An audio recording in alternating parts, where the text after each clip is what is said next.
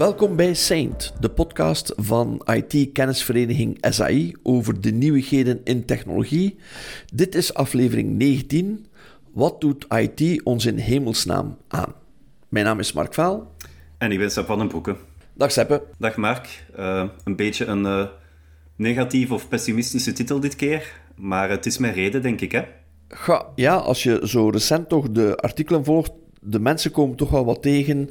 Dat is een beetje wat mij opgevallen is de laatste periode, dat uh, ja, IT kan gebruikt en misbruikt worden.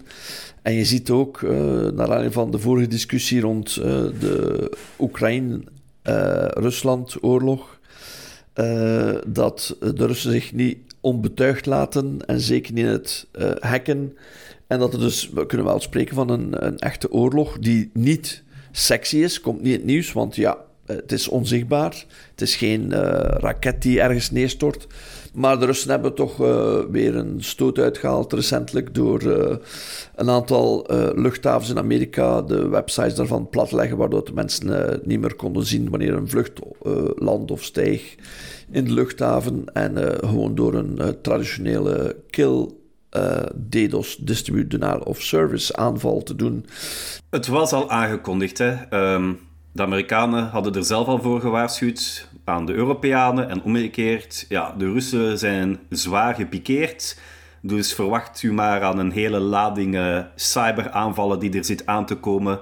Um, die nog uh, intenser zullen worden dan, dan tevoren. Uh, en inderdaad, het platleggen van een, uh, van een luchthaven is er één ding van. Ik denk dat ze ergens anders of op bepaalde andere plekken in Europa. Ik denk in Duitsland heeft de Deutsche Bahn heel wat problemen gehad ook onlangs. Ehm, dat misschien ook uh, sabotage zou geweest zijn of een cyberaanval zou geweest zijn. Ja, het is zoals dat je zegt, je ziet het um, links en rechts opduiken. Um, ja, absoluut. En, en, en ze zijn blijkbaar zo slim om technologie te gebruiken, waardoor dat zelfs de grote beschermmantels die bestaan, zoals Cloudflare, niet in staat is... De grote namen, hè? ja. ja ja, om ze, om... Cloudflare is toch geen, geen kleine speler in de DDoS-beschermingswereld. Als je die al kan platleggen, dan, uh, dan beschik je toch al over uh, een groot kanon, uh, om het zo ja. te zeggen. Of, of omzeilen zelfs, hè. gewoon omzeilen. Dus het, de Cloudflare werkt, maar het werkt niet. Het werkt wel, maar de site erachter wordt platgelegd. Dus ze hebben toch trucken gevonden terug opnieuw om uh, de sites achter Cloudflare uh, plat te leggen, waardoor Cloudflare blijkbaar de aanval niet ziet. Ja, in het, in het geval van die Atlanta International Airport inderdaad was het wel iets raar. Um, ze hebben eigenlijk de site erachter gevonden en die dan rechtstreeks getarget. Mhm. Uh, beetje een voorbeeld van een slechte implementatie of dat het toch niet helemaal perfect was of gewoon slimme hackers? Ik denk uh, veel onderzoek en uiteindelijk uh, veel proberen. En dan zeg ik, oké, ik heb een trucje gevonden, laat ze nu een keer lanceren op een batterij sites tegelijk. En als je ziet, inderdaad, was Birmingham was daarbij.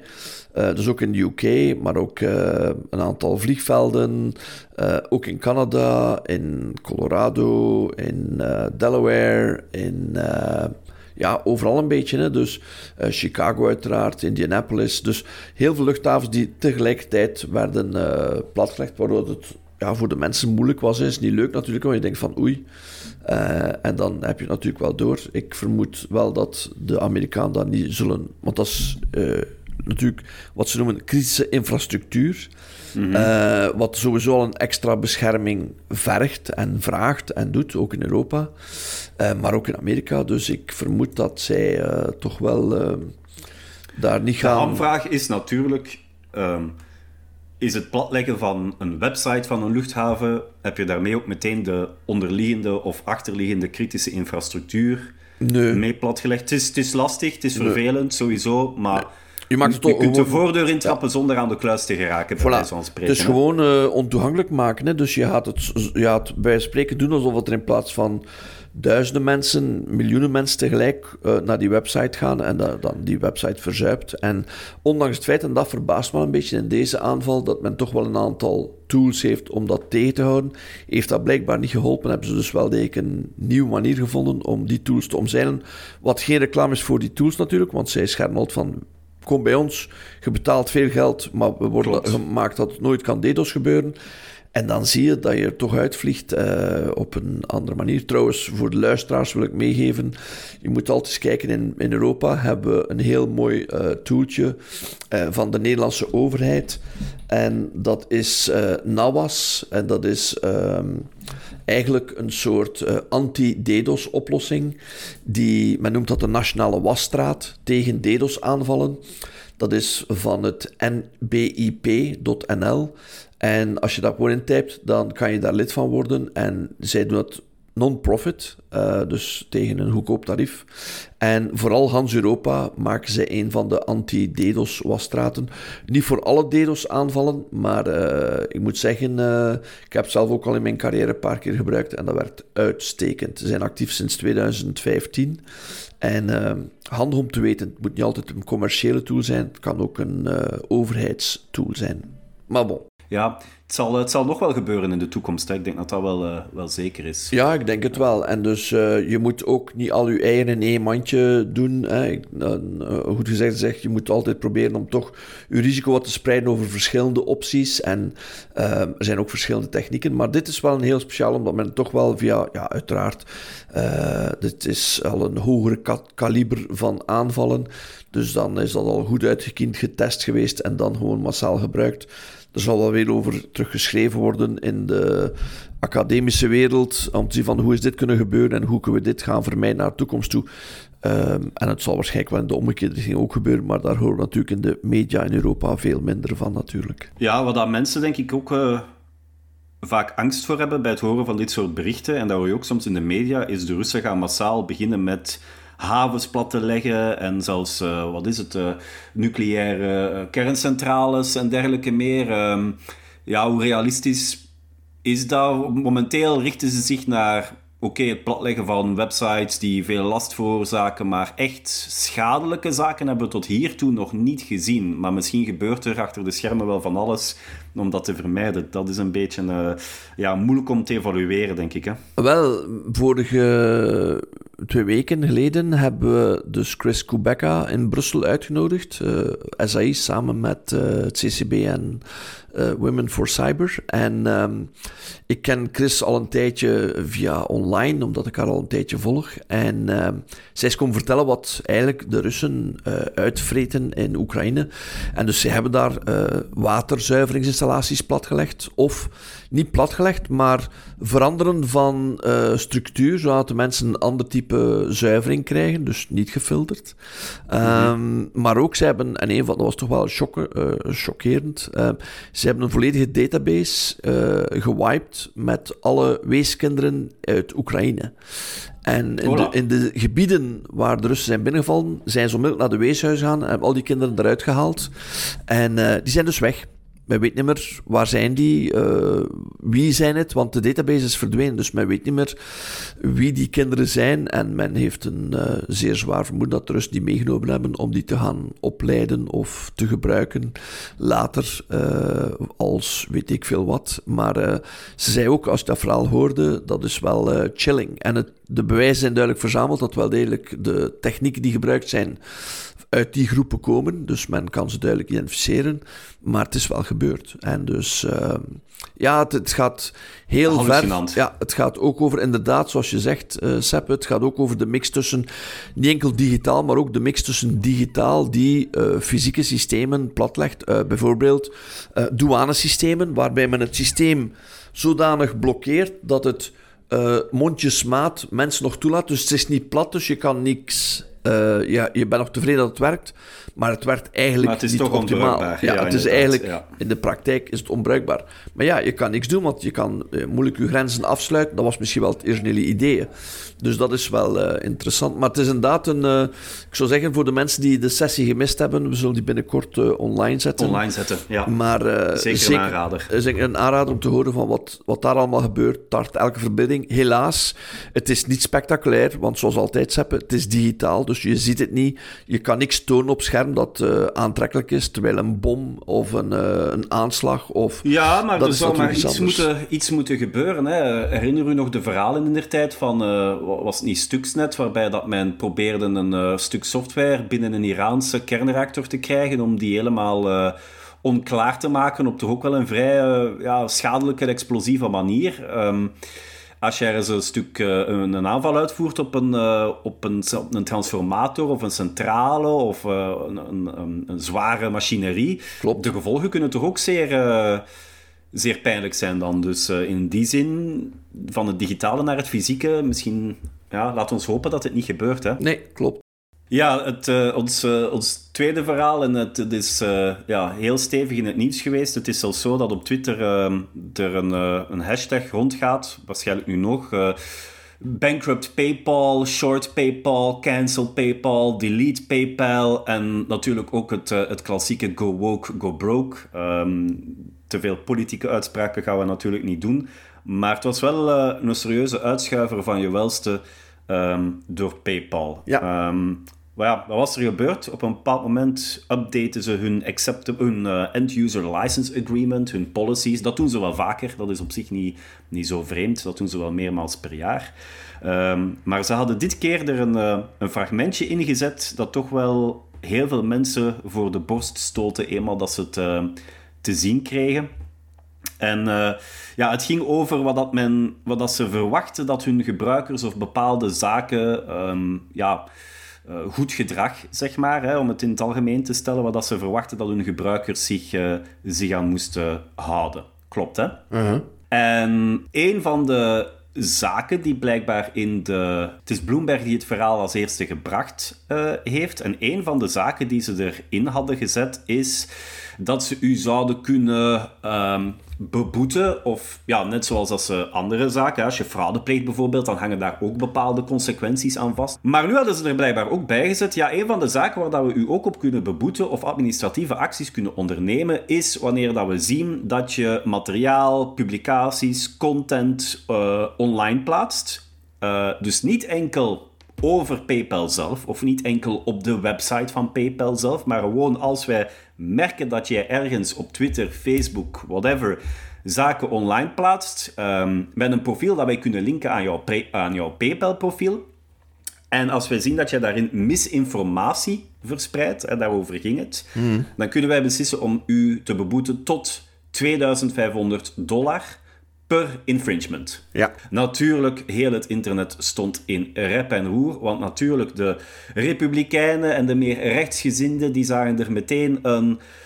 Ja, weer de laatste evolutie van wokeness in, van ze willen iedereen controleren en uh, zorgen dat je, dat je enkel maar goede dingen zegt online. Nu, ik denk dat dat misschien een beetje overroepen is. Ik denk ook ergens dat PayPal het initieel wel goed bedoelde. Uh, dat zij ook maar gewoon wilde vermijden dat er uh, mensen zouden zijn. Ik denk als je PayPal bent, hè, je denkt na, je ziet dat er heel veel websites zijn die bijvoorbeeld COVID-misinformatie verspreiden en die mm -hmm. dan een donate-knop hebben. Ja. Hè, van je kan hier doneren en voor de goede zaak. Dat je daarbij als PayPal zegt, ja maar hela jongens, zo niet. Daarvoor uh, werk je niet met ons samen. En als we merken dat je dat op massale schaal doet, dan willen wij u kunnen beboeten. Er valt iets voor ja. te zeggen. Ja. Um, en ik denk dat het aan zich, dat het ook vanuit dat soort sentiment geweest is, dat zij die beslissing hebben gemaakt. Maar natuurlijk, als je dat zo in een end-user policy zet, met die bewoordingen, ja, zo, met zo'n abstracte termen, natuurlijk kan je dan verwachten dat de reactie online dat die gigantisch gaat zijn. Dus ze zijn dan op hun stappen teruggekeerd. En ze hebben dat er rap uitgehaald. En dan is het helemaal misgegaan, want... Ze hebben er dan uitgehaald en dan hebben ze blijkbaar een statement gepubliceerd in de zin van ah ja, maar het was nooit onze bedoeling om dit erin te zetten. Dit was het resultaat van een foutje. Ja, als je dan niet lef hebt om al zelfs maar te verklaren wat dat uw initiële idee was of uw denkwijze. Dit is geen foutje geweest. Hè? Nee, PayPal nee, nee, maakt geen aanpassingen aan end-use, aan dat soort agreements, zonder dat er honderd advocaten naar hebben gekeken. En heel veel mensen zeggen nu ook, ah ja, dat Ja. zal wel. Nu Ja. keer je terug op je stappen. Binnen een jaar proberen jullie dat opnieuw. Ja. Dus delete PayPal. Ja, de stok van PayPal, het ging al niet goed, maar in de afgelopen dagen eh, zeker niet. Ja, dat bedrijf zit momenteel met een gigantisch PR-probleem. Ehm, dus ja, ehm, is dit een reflectie van zaken die we zo nog mogen verwachten van eh, bedrijven op het internet die een beetje willen policen van wat dat wij zeggen en denken?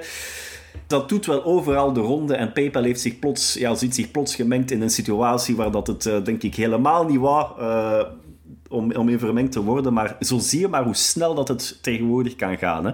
Ja, en ik denk ook, uh, het doet terug nadenken over het feit dat mensen die terms and conditions of die accept use policies gewoon niet lezen. Doe me denken aan, uh, zo zo'n keer een... Uh, een website geweest van, ik denk dat het een online computerverkoper was. En die had gezegd van, kijk, als je op 1 april op die knop klinkt, dan krijg je, ik denk dat het was vrij veel zin, krijg je iets van een 1000 euro.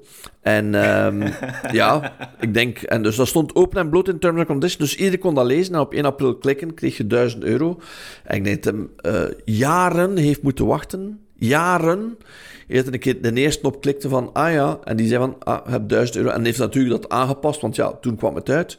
Maar het, het, hij wou gewoon aantonen dan Niemand leest dat. Niemand leest die flappe tekst. En, uh, en hier is het wel gebeurd. Het, het, mooie aan dit verhaal is dat dit eigenlijk... Het is niet lang onder de radar gebleven. Nee. Maar iedereen weet dat het merendeel van de gebruikers dat niet heeft zien voorbij komen, totdat er een paar zijn geweest grotere figuur die op Twitter de kat de bel hebben aangebonden. En dan plots zag iedereen het natuurlijk. Ja, dus, tuurlijk. Ja, ja, Dan, en dan, moet, dan moeten ze bij PayPal... Ja, dan hebben ze enorm snel moeten reageren en meteen uh, ja, op hun stappen terugkeren. En, uh, en we are not finding people for misinformation. This language was never intended to be inserted in our policy. Ja, sorry, de schade was gedaan. Hè. Ja, en te, vooral, ja, acceptable use policy, zoals je terecht aanhaalt, dat moet gelezen zijn door een, een, een bende mensen, vermoed je. Nu, het zou kunnen dat er gewoon iemand dat het last minute heeft toegevoegd. Het zou ook een beetje kunnen sabotage zijn. Hè? Uh... Dat geloof ik eigenlijk niet. Maar je moet alles naar zo'n achterhoofd houden. Ik heb ooit meegemaakt dat iemand uh, uh, in de laatste versie toch nog dingen aanpassen zonder toestemming, wordt online zet en, en ja, dan komt het wel uit. Dus het, nee, het zou kunnen dat men het misbedoeld heeft, maar het feit ook, je veronderstelt altijd dat het gelezen wordt door 30 mensen bij zo'n spreken. En uiteindelijk ga je van verschieten dat het maar misschien door drie, vier mensen gelezen is, die dat onder een groepje hebben beslist en niet te veel hebben de poespas gedaan. Want wie in godsnaam leest een accept use policy en wat kan dat kwaad? Voilà, en ik wil ze gerust het voordeel van de twijfel geven. Ik denk dat ik zal meer het voordeel van de twijfel geven dan heel vele anderen mm. uh, op Twitter en online. Um, het zou ook perfect kunnen dat, ja, het zijn vage bewoordingen, maar dat men heeft gezegd, ja, we moeten dit vaag houden, want het is moeilijk om hard te maken wat we precies bedoelen onder misinformation en dergelijke meer. Dus, Maar we willen wel een stok achter de deur. En ik zeg het, aan zich valt daar wel iets voor te zeggen. Mhm. Er zijn ook mensen die zeggen, nee, PayPal als betalingsplatform heeft er eigenlijk geen zaken mee. Ook al staat daar een knop donate op iemand die misinformatie verspreidt over COVID... Mm dan moet PayPal dat maar gewoon toelaten. Anderzijds, dat is niet zo. Hè. Dat weten we allemaal. We weten bijvoorbeeld ook dat uh, op een, op een pornosite dat PayPal er bijvoorbeeld ook niks mee te maken wil hebben. En dat is PayPal haar goed recht om dat soort keuzes te maken. Net zoals dat het een goed recht is om te zeggen: kijk, als jij een website wilt maken die COVID-misinformatie verspreidt, dat is jouw goed recht, maar dan niet met ons. Ja. En geen betalingen via ons. Dan zoek je maar iemand anders. Dat is een goed recht. Nu, wat er ook wel is, en dat is ook een beetje weer een doos van Pandora die men heeft geopend en waar ik wel sympathie voor heb, is dat PayPal als instituut is eigenlijk quasi niet gereguleerd, want PayPal is geen bank. Nee, is geen financiële dus Dat soort zaken, die mogen zich dat allemaal permitteren, want het is een payment platform of facilitator of provider. Het is geen bank. Nee.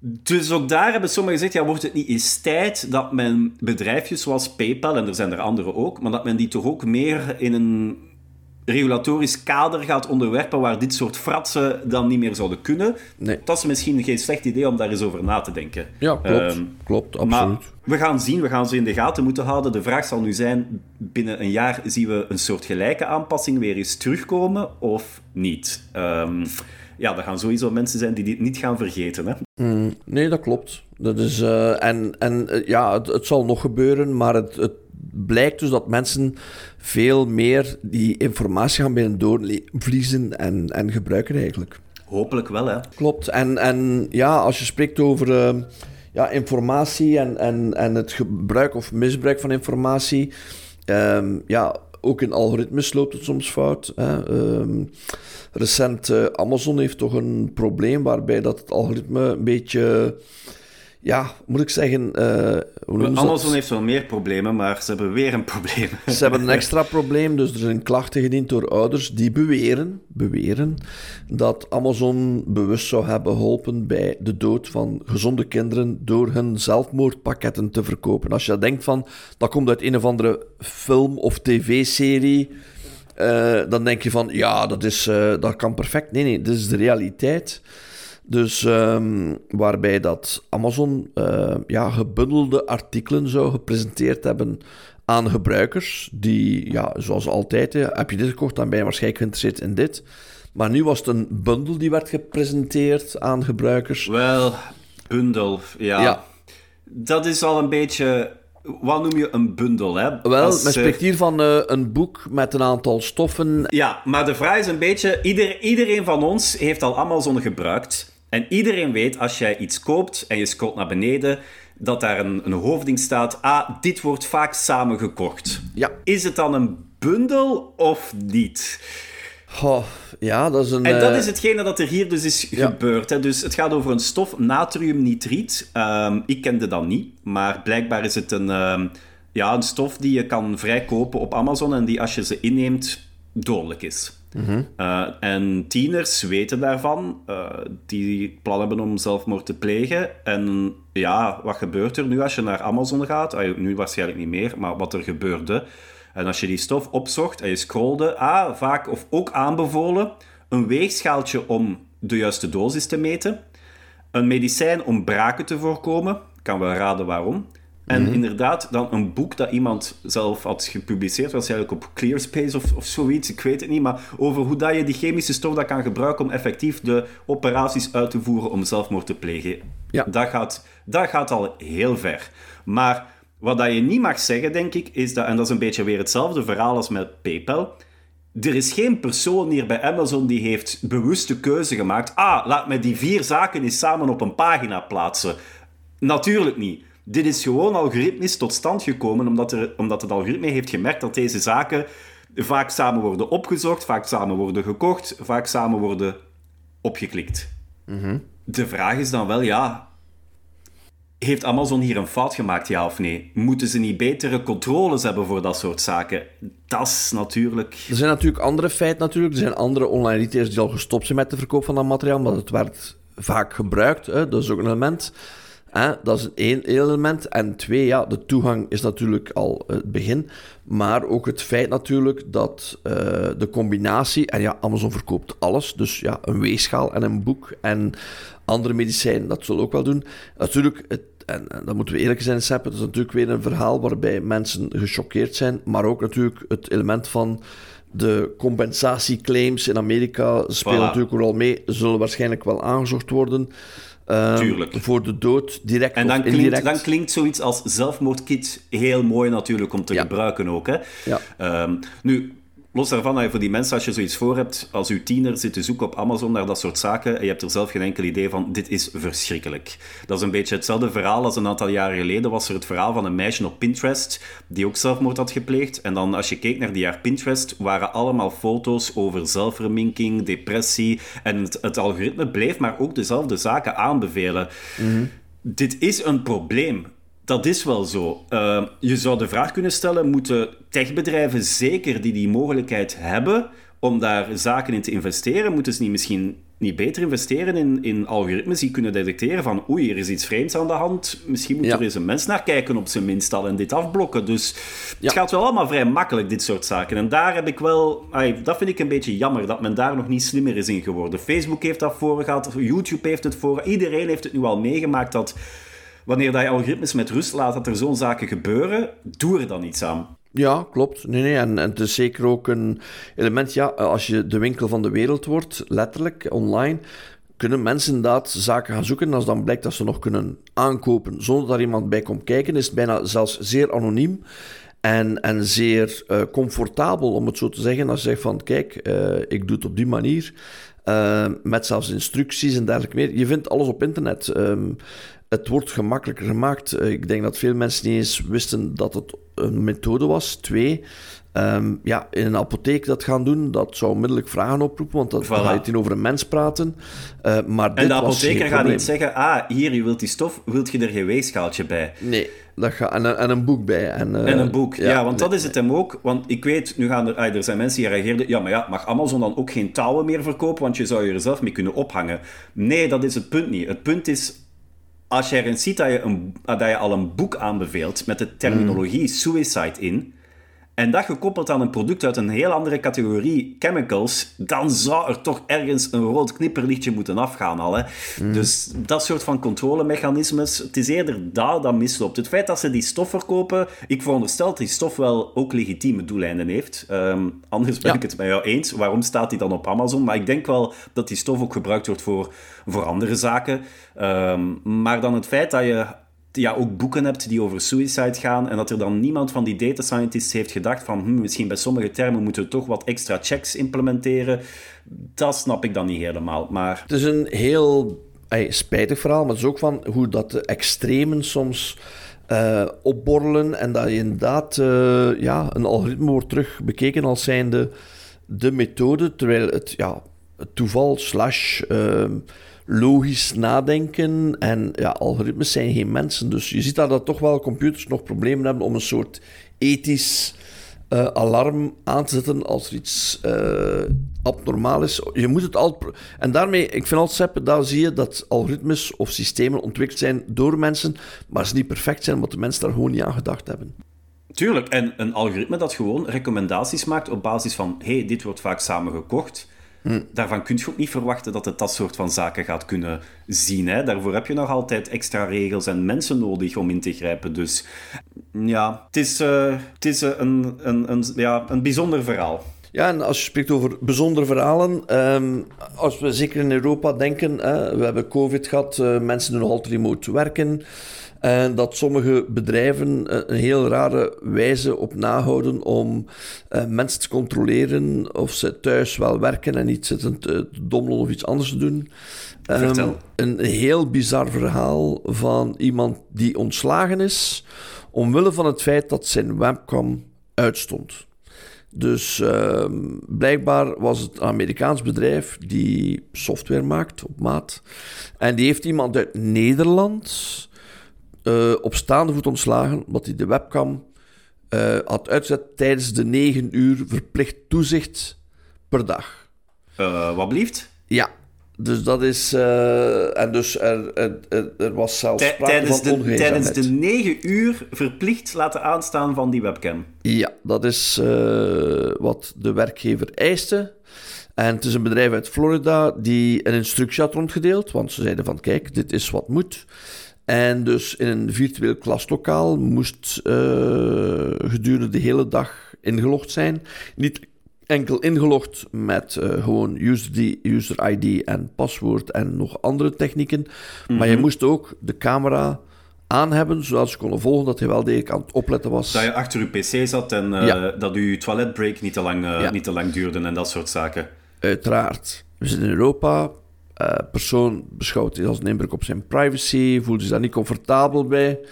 En bovendien kon het bedrijf al eh, alle activiteiten op de laptop zelf volgen. Oh, Ehm, nee. Scherm controleren.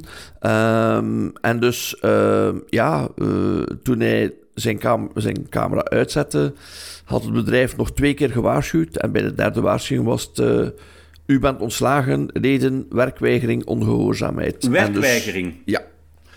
En, die man had eigenlijk zelfs niet eens iets fout gedaan. ja, Gewoon nee, uitgezet nee, van, de, gewoon, van de Ja, waarschijnlijk eh, misschien eh, iets omwisselen van kledij of zo, weet ik veel. Maar dus het, werd, het eh, uitzetten van de camera wordt aanzien als een werkweigering.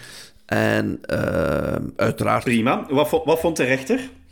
Uh, wel, dus uh, in eerste aanleg heeft de rechter beslist dat dat Amerikaanse bedrijf ten eerste onvoldoende kenbaar heeft gemaakt wat de echte reden van het ontslag zijn.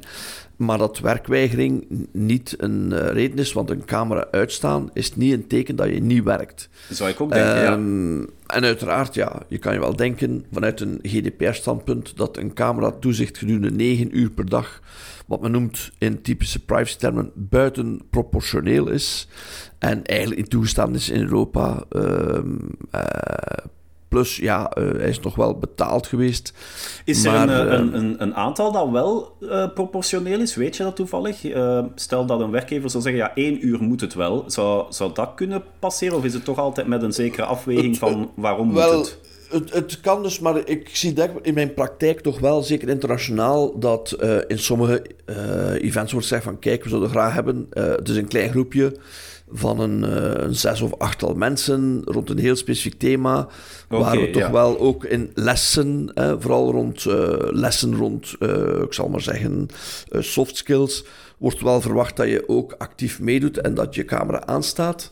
Um, dat zijn specifieke gevallen, maar in grote groepen, ik zeg maar iets boven de 30, 40 mensen, kan je dat gewoon niet hard maken. Integendeel, het werkt zelfs storend. Het kan zelfs afleidend werken, omdat je, ja, ziet daar iemand in een rode tenue, ziet daar iemand met een blauwe achtergrond die verandert en het werd heel uh, afleidend. Dus proportioneel zou zijn dat inderdaad het, in samenspraak met de werknemer binnen een bepaald aantal kaders wordt gezegd van kijk, hier zullen we graag hebben dat je even meedoet en je camera aanzet. Gewoon eens aanzet om te zien dat je wel degelijk in een omgeving bent die, waar je kan werken. Dus ehm, dat je niet met je smartphone, terwijl je aan het wandelen bent in een bos, alhoewel je kan perfect ook werken uh, al wandelend in sommige opdrachten. Maar zeker als, je als moet, het luisteren is naar een klas. Als het luisteren is, maar als je zelf moet meewerken en dingen uh, registreren of invullen in, ik zeg maar iets, een een whiteboard online, ja, dat wordt natuurlijk wel moeilijk. Maar proportioneel is het, moet een, moet een proportie zijn die reeks heeft. Maar om ontslag te doen, omdat je je camera niet aanzet, dat is inderdaad uh, de Ja, en het getuigt toch ook maar weer eens van een enorm gebrek aan vertrouwen eigenlijk, hè, door dat soort van werkgevers. Um, ja, we hebben het er in het verleden al over gehad, maar als je zo je mensen moet bespioneren om ze te controleren, ja. Het, het meest bizarre aan het verhaal is dat zelfs het bedrijf uit Amerika uh, niet de moeite heeft gedaan om uh, bij de rechtbank te komen. Uh, ah, ja. die hebben, ze hebben gewoon zich laten uitschrijven uit het Hansregister een week na het ontslag. Dus het kantoor is dicht, dus er is geen officiële vestiging meer in Nederland. Ah ja, dan dachten ze, dan zijn we maar weg uit Nederland. Dat zo voilà, dus ja. na negen jaar gewoon, hup, eruit. En uh, nogthans, ze tellen 2600 werknemers, wat niet min is. Oh, wat een racune zeg, Jesus. dus uh, het is inderdaad echt, uh, ja, uh, het is een heel bizar verhaal. Uh, wat erachter zit, weten we niet. Maar het is uh, wat men noemt spijkers op laag water zoeken. Ja, inderdaad. Mijn aanvoelen is toch ook een beetje... Blijf dan maar in Amerika als het zo, als ja. het zo zit. Maakt u ja. niet echt populair met dat soort zaken. Nee, en ik kan me inbeelden dat inderdaad hey, vakbonden, maar ook ondernemingsraden daar toch wel moeten over praten. Wat is dat je overeenkomsten hebt. En ik denk dat dat het belangrijkste is, dat je goed overeenkomt. Wat kan, wat kan niet, in welke omstandigheden kan iets. En soms inderdaad is dat nuttig, dat je iedereen iedereen ziet in kleine groepjes. Mm -hmm. um, ik herinner mij een opleiding uh, die vrij intens was met vraag en antwoord, met een aantal oefeningen, waar men zei van we zouden het op prijs stellen dat iedereen uh, dan zijn camera gebruikt en aanzet. Maar als er pauzes zijn, zet iedereen zijn camera tuurlijk, uit. En tuurlijk. dat is proportioneel voor dat event. Maar dagdagelijks, dag in dag uit, dat is buiten proportie. Ja, negen dan uur lang... Uh... Wordt het bijna Big Brother. Dus, voilà, ja. ja, ja. En uh, over ontslagen mensen, uh, ja, toch wel terug een beetje uh, een cirkeltje rondmaken met Rusland. er is nog iemand ontslagen onlangs. Er is iemand ontslagen in Duitsland. En toevallig de verantwoordelijke voor cybersecurity is ontslagen, heeft ontslag gekregen omdat hij te veel banden zou hebben met de Russische spionagedienst ja, of ja. geheime diensten. En dus uh, omwille van dat risico heeft die persoon zijn ontslag gekregen in Duitsland. En dat is toch wel ook wel een beetje een element dat raar is. Want ja, als je die functie hebt, dan kan je toch wel verwachten, zeker vanuit Duitsland met de BSI... Dat ze een background check doen. Ja, de Bundenschutz, uh, uh, dat die zeker uh, niet enkel de background check doen, maar ook controleren van, en je moet toch wel bewust zijn, gezien de omstandigheden, dat... Ja, en ze zijn blijkbaar wakker geworden in Duitsland omwille van die sabotage aan hun uh, rail-netwerk. en dan ook in de navolging van de Nord Stream-toestanden zijn ze dus blijkbaar toch eens beginnen rondsnuffelen. En hebben ze gemerkt, ah, die meneer Schoenboom heet hij, toch niet helemaal zuiver op de graad. Nee. Ja, dan denk ik, hier is nog werk aan de winkel uh, in Europa. ja, en toch nogthans, um, in zo'n functies, zeker als het Europees is of in NATO, moet je clearings doen. En die clearings zijn niet eeuwigdurend. Je wordt regelmatig opnieuw gescreend. En doet dat vrij intens, bijna uh, soms zelfs met uh, huisbezoek en dergelijke meer. Maar men gaat ook naar de handel en wandel, zeker in die functie, want je hebt een grote verantwoordelijkheid. Maar men gaat het ook doen uit veiligheidsoverwegingen. Want stel dat uw materiaal wordt afgeluisterd of u krijgt materiaal dat afluisterapparatuur bevat. Ja, dan kan je op die manier natuurlijk weet je dat je gecontroleerd wordt en toch nog mhm. eh, in zo'n verhaal stappen waar dat hij dan contacten onderhoudt met Russische personen. Uh, waarschijnlijk hebben ze zich anders voorgedaan, maar dat maakt het, het verhaal niet uit. Ehm, Voor de goede orde, het is eigenlijk omdat hij mee een associatie had opgericht in uh, Berlijn ja. Uh, rond cybersecurity. En het zou die associatie zijn waar men nu van heeft gezien. Die hebben banden met Rusland. En omdat hij daar nog mee samenwerkt, uh, is hij ook betrokken in de zaak. Maar de associatie zegt zelf dat het, uh, dat het nonsens is. Dus ja, moet nog blijken wat er allemaal van waar is. Maar ja, waar ook is in dit soort zaken, is dan meestal toch ook wel een beetje vuur. Zeker nu dat ze zo verscherpt alles aan het bekijken zijn. ja, rare, rare situatie een beetje. Wel, terug, zoals altijd, in de goede verhalen kan het alle richtingen uitgaan. Ofwel is het een, een val opgezet om die uit de weg te ruimen. Hè. Dan, komt, wat, misschien was hij te goed. Politieke afrekening, ja, dat zou Politieke afrekening intern kan ook een Russe afrekening zijn van die hebben nog een eitje te paren. Laat ons die op die manier uh, torpederen. Mm kan ook. Onstabiliteit veroorzaken, hè, want je moet iemand vinden. Dus het is heel lastig en het duidt aan dat ja, mensen, dat het één, heel snel kan gaan. Twee, dat mensen ja, uh, in bepaalde functies moeten ja, integer zijn en, en smetteloos. Nu, ja, uh, dat is nu eenmaal uh, een element dat wordt geëist in die functie. Ik denk ook dat er mhm. wel wat druk zal uitgeoefend zijn geweest zijn vanuit andere kanten. Ik denk bijvoorbeeld aan de NATO of andere instellingen. om er te zorgen dat dan ja, enkel al de zweem van, of het mhm. vermoeden van, kan voldoende zeggen van, ja, dit is toch voor die functie iets te gevaarlijk. Uh, rekening houden met wat er ooit in Engeland is gebeurd, met het mm Profumo-schandaal, waar dat er een, uh, een luxe callgirl, zowel met de Russen als met de ministers in bed ook. Ja, dat is natuurlijk ook geen goede combinatie. Dus, maar je ziet... Um, tegenwoordig, um, ja, wat is het juist? We zien eigenlijk natuurlijk wat de pers krijgt als uh, voedsel.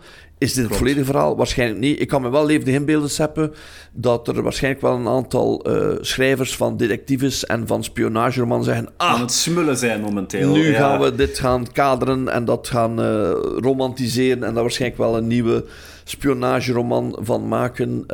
Dat zal waarschijnlijk wel gebeuren. Maar soms overtreft terug de realiteit, de, werkelijkheid, de ja, de werkelijkheid overtreft de fictie. Dat denk ik ook wel in dit en soort zaken. En dat is hier ook weer al het geval dat iemand van die functie op dit niveau in Duitsland, wat toch eh, niet de minste van de partners is in Europa rond cybersecurity, um, ja, ontslagen wordt omwille van de gevoeligheden. Um, het is ook een moedige beslissing natuurlijk, hè, want ja... Uh, enerzijds ja, kan je het risico lopen en wachten tot het effectieve risico zich realiseert. Ja, en uiteindelijk vernietig je iemand zijn carrière ook wel. Ja, ja want die, um, die kan het vergeten. Voilà, die, kan het vergeten. Hè? Dus uh, dat is toch uh, niet niets. Dus ja, dat zijn geen beslissingen die je zomaar over één nacht ijs ook maakt, denk ik dan. Dus nee, ja, klopt. heel moeilijk om, om af te wegen. Nee, want, en, en het moet niet altijd slecht aflopen, want dit natuurlijk is een heel slecht verhaal. Maar herinner u, de, de security chief onder Trump, die is ontslagen geweest door Trump, omdat hij de juiste informatie heeft doen. Voilà. En die persoon heeft wel ontslag gekregen, maar eh, komt ja. over als integer en correct. En is nu veel gevraagd spreker en, en uh, wordt nog veel geapprecieerd voor zijn advies. En dus, um, ja, dus die uh, wordt wel nog um, gevraagd. Maar uh, ja, moet je zeggen, het, het blijft een, een, eh, een, raar verhaal. Maar dus Brian Krabs, die man die in de tijd uh, ontslagen is geweest. Maar dat was juist omwille van, hij stond voor zijn integriteit is ontslagen geweest omdat hij juist integer was. Hier en die had ook wel een enorme reputatie opgebouwd als iemand die op zijn strepen stond en integer was. En Trump had ook al een reputatie opgebouwd als iemand die wispelturig was ook. Dus en die heel veel mensen ontsloeg. Maar hier is het helaas een verhaal waarbij iemand met alleged Russia ties. Hè, ja, en iemand die niet kan teren op dezelfde nee. pedigree van uh, kenbaarheid, reputatie. Uh, ja, maar dan nog, het zou maar moeten blijken dat het foutief is. Of dat die persoon er zelf niets van afwist dat zijn associatie ondertussen al banden had mm. gemaakt met Rusland. Ja, dan hang je er wel mee aan. Hè. Dus ja, we moeten niet te snel zijn met mensen meteen af te rekenen, maar ja, gegeven dat men dit niet licht, lichtvoetig zal uh, gedaan hebben, zal er wel iets aan de hand zijn. Um.